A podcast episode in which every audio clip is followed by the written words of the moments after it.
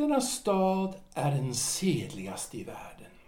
När det någon gång inträffar att en diktare eller konstnär i sin alstring överskrider gränserna för eh, det tillåtna och därigenom missbrukar de gåvor med vilka försynen utrustat honom, fyllas icke blott människorna utan även de små hundarna med sedlig harm.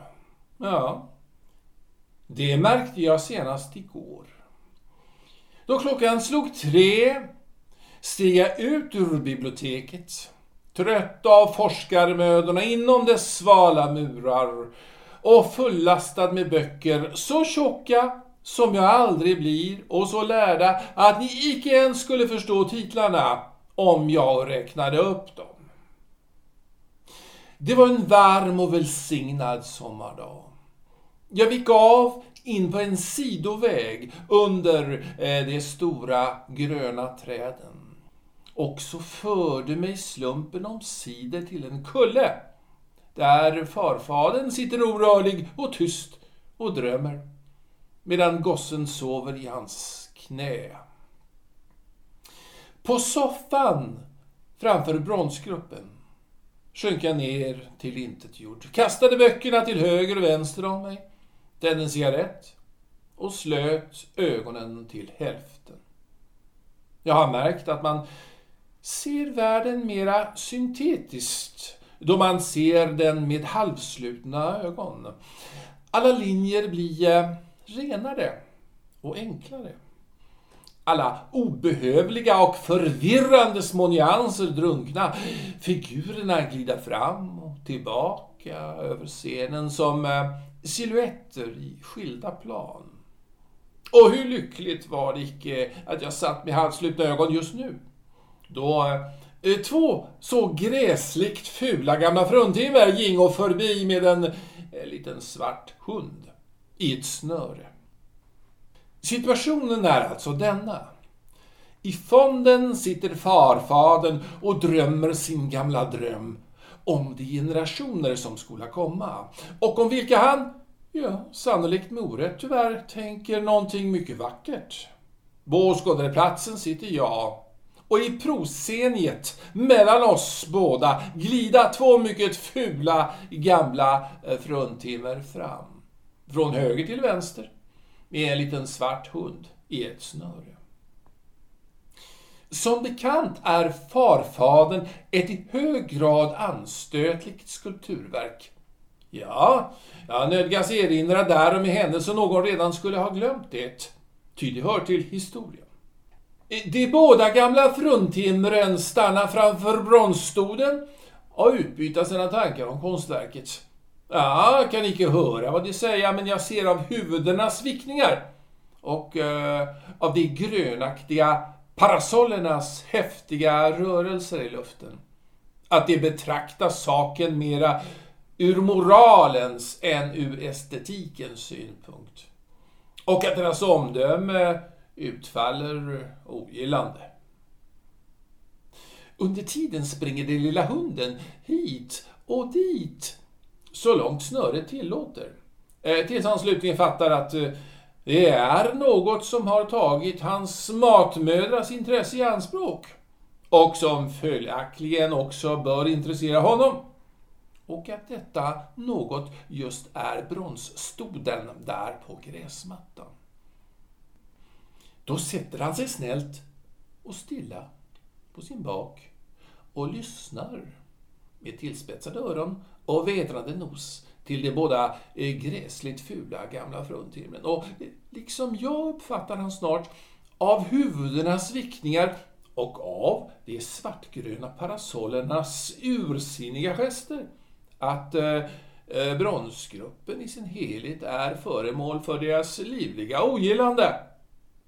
Det är då naturligt och i sin ordning att han genast fattas av ett outsläckligt hat till denna grupp Ja, eljest vore han ju en dålig hund. Vaff, säger han och rusar emot bronsgruppen med sådan ilska att de gamla fruntimren blir skrämda och genast tystna. Vaff, vaff, vaff. Pantomimen börjar nu bli livlig. Å ena sidan den lilla hunden som med fradgak i munnen och ögonen lysande av trohet och ilska gör språng på språng mot sin nya dödsfiende medan han skäller Vaff, vaff, vaff. Å andra sidan de två bleka, magra, svartklädda och gräsligt fula gamla fruntimmen som med förenade krafter draga i snöret och endast tum för tum lyckas förflytta sig själva och hunden tills de slutligen glida ut i kulissen till vänster. Voff! säger den lilla hunden ännu en gång innan han försvinner. Och därmed är han ute ur historien. Men eh, historien är därför icke slut. Vi vet alla att när en liten hund börjar skälla, då stämmer traktens alla hundar genast in. Och Humlegården är full av unga glada hundar som rullar sig på gräsmattan och förrivar sin dag med oskyldiga lekar och som, då anledning erbjuder sig, ryser upp och säga wow, wow om de är stora eller vaff, vaff om de är små. Här skälles sade alla dessa hundar till varandra. Vi måste vara med. Och det kom rusande från alla håll, från biblioteksfontänen, från Linnés staty och ända från Skeleskulle. Alla stannade framför farfadern och skällde. Voff, voff, voff, vaff, vaff, vaff, bjeff, bjeff, bjeff. Det är skälla ännu.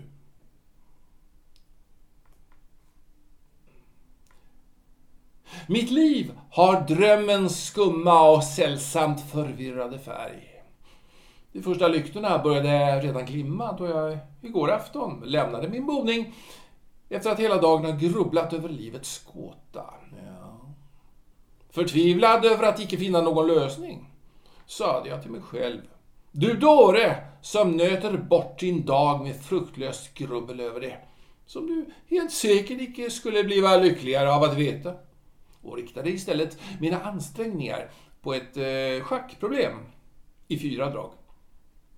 Men då mitt skarpsinne visade sig otillräckligt även för detta slungade jag schackbrädet ut genom fönstret i huvudet på en gammal man med träben, för vilken döden endast var en välgärning och kastade mig därefter ut i världsvimlet, fraktande mig själv. Kvällen var varm och klar och underbart stilla. Mitt över slottet stod månen rund som en gammal präst gulröd och sagolikt stor. Ljudet av eh, människornas steg mot gatläggningen eh, liknade pickandet av tusen ur och kommer att rysa till vid tanken på den snabbhet med vilken sekunderna runno bort ur mina händer. En spårvagn gillade förbi. Jag kastade mig upp i den och åkte ringlinjen runt några gånger. Denna förströelse har nämligen en sällsam förmåga att skingra mitt svårmod.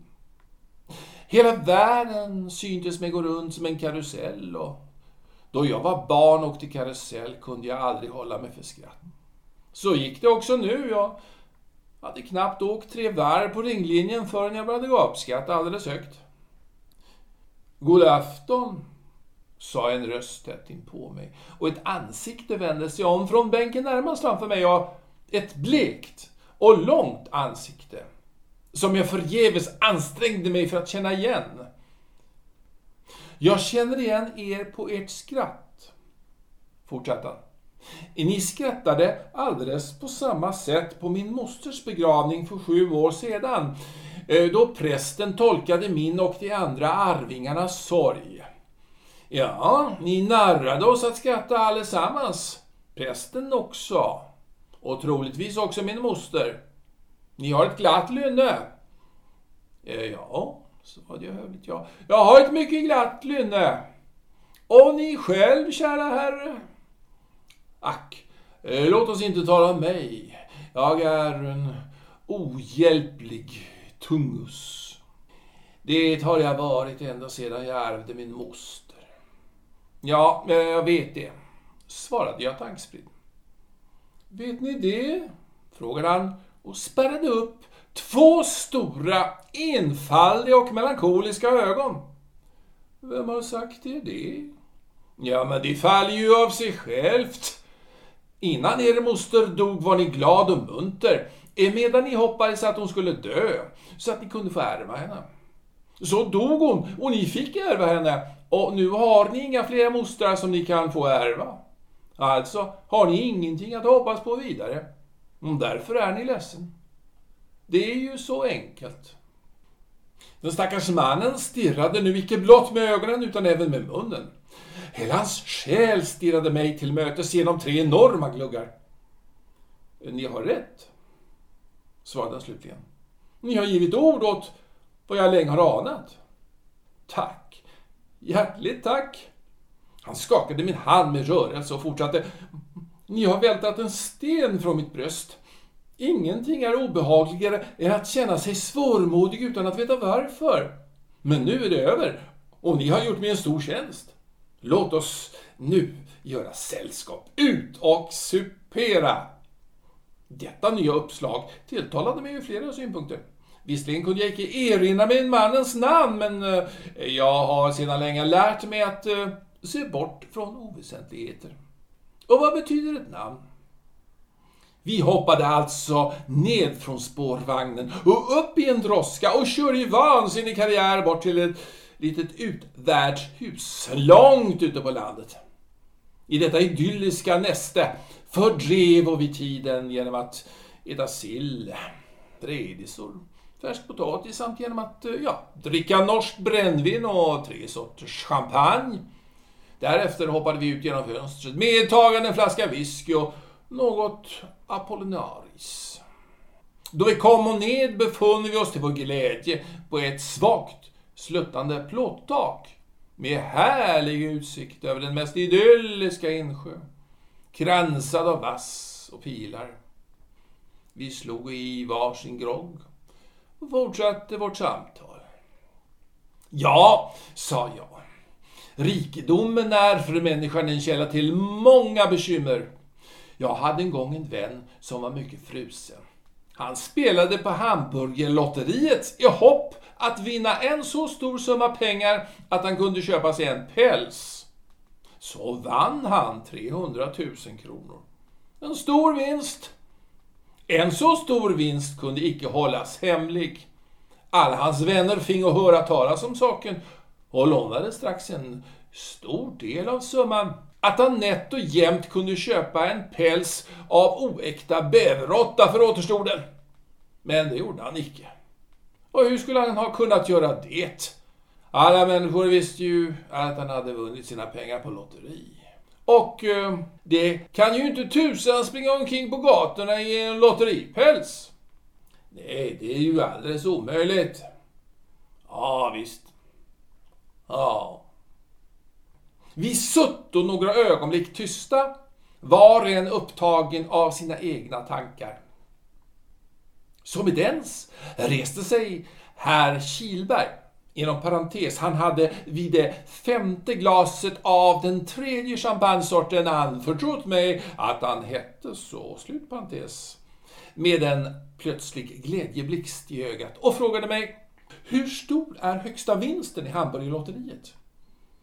Ja, jag tror att den är antingen 5 eller 700 000, svarade jag.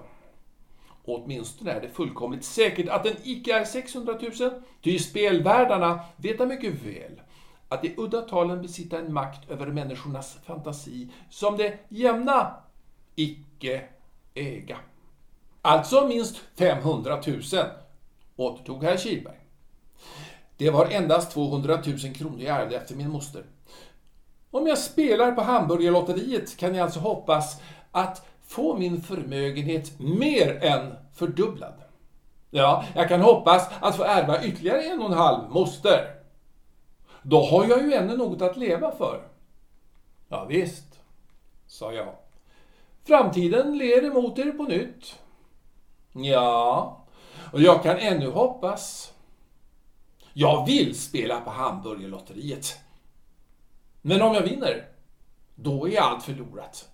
Då eh, återstår mig endast, endast döden.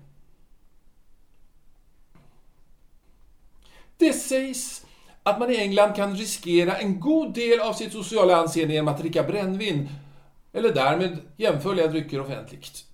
Nå, no. Eh, vart land har sina seder.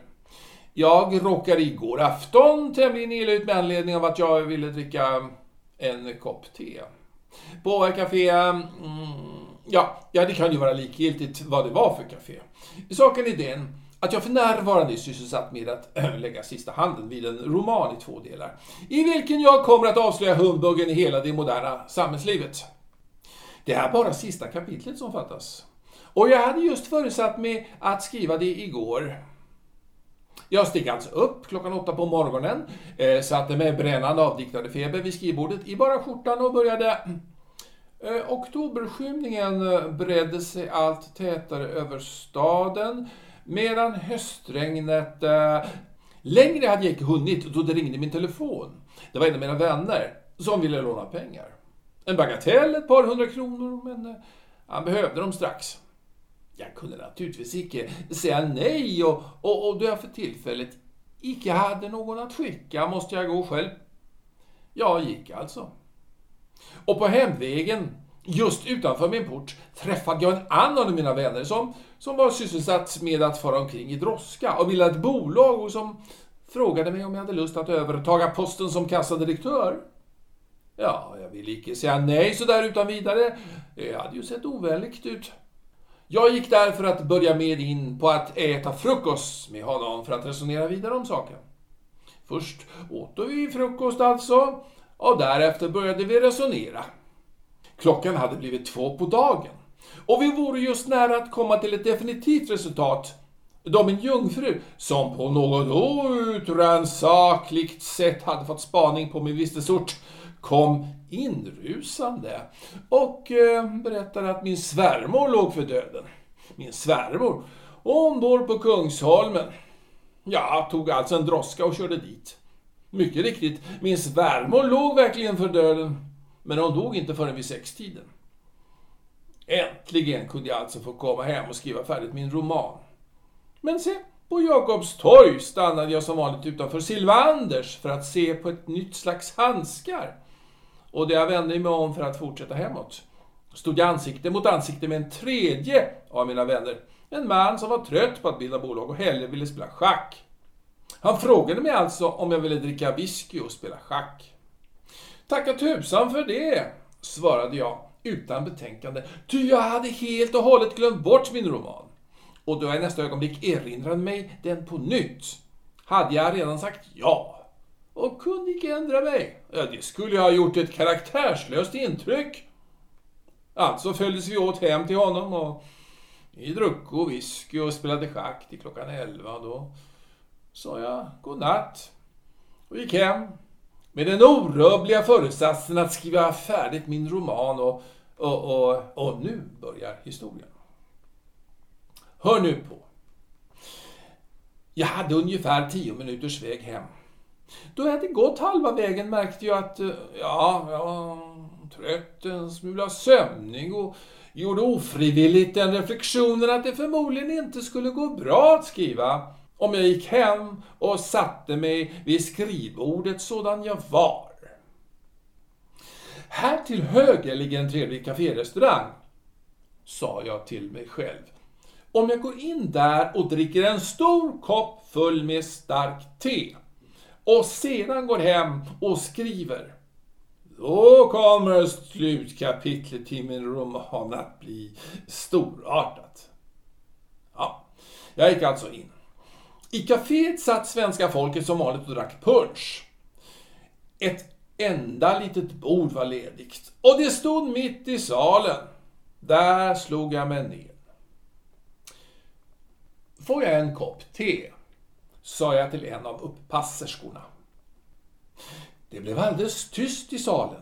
Runt omkring satt svenska folket med tjocka magar och rosiga kinder och drack punch och med regelbundna mellanrum stötte det glasen tillsammans och sade Nu tar vi en bottenfock. Men då jag begärde en kopp te blev det alldeles tyst i rummet. En kopp te? frågade uppasserskan med ett osäkert tonfall. Ja, svarade jag. En kopp te. Ska det bara vara te? Ska det inte vara uh, smör och bröd och, och brännvin och öl och, och, och punch? Mm, nej tack, svarade jag vänligt. Jag vill bara ha en kopp te. Det ska bli, svarade uppasserskan. Man stirrade på mig från alla håll. På en hel minut var det ingen som tog en bottenfock. Man talade om mig runt omkring och jag hörde en del av vad som sades. En tokig utlänning, sa en. Fy fan så mycket hyckleri och skoj det finns nu för tiden, sa en annan. Han är full och vill bli nykter, sa en tredje. Hur kan man vilja bli nykter när man är full? sa en fjärde.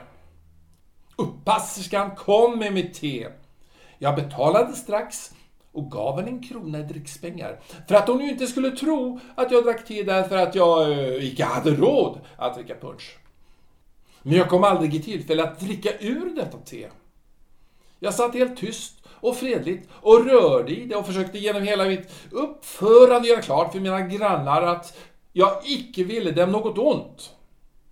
Då en gammal eh, Uppsala-kamrat, som jag icke hade sett på 15 år, med ens stod framför mig och stirrade med stela ögon på mig och min tekopp. Eh, är det verkligen du? sa han upprörd. Du tänker dricka den där smörjan? Ja, svarade jag blygt. Jaså? Dit höll alltså gott med dig till sist? Det var ruskigt. Jag trodde att han skämtade och försökte svara något i samma ton. Jag tror du försöker göra dig kvick, svarade min gamla kamrat. Och nu först märkte jag att han var full som en katt. Utan omsvep anförtrodde han mig därefter att han ända från första stunden av vår bekantskap aldrig hade kunnat tåla mig. Han hade strax insett att jag var en humbug. Eller, om jag ville att han skulle uttrycka sig tydligare, en fähund. Han hade alltid längtat efter ett passande tillfälle att få säga mig det. Och nu var det sagt. Min gamle kamrat hade talat upp sig mer och mer. Till slut skrek han så det hördes över hela salen. Alla lyssnade förtjusta och källarmästaren kom fram i dörren. Det var en stor, rödbrusig karl. Vad är det fråga om? Sa han med visst hot i rösten och såg sig omkring i församlingen. Då pekade alla på mig och sa i korus. Det är den där herrn som sitter och är oförskämd. I nästa ögonblick befann jag mig på gatan. Och vad min roman beträffar så ämnar jag skriva den färdig idag.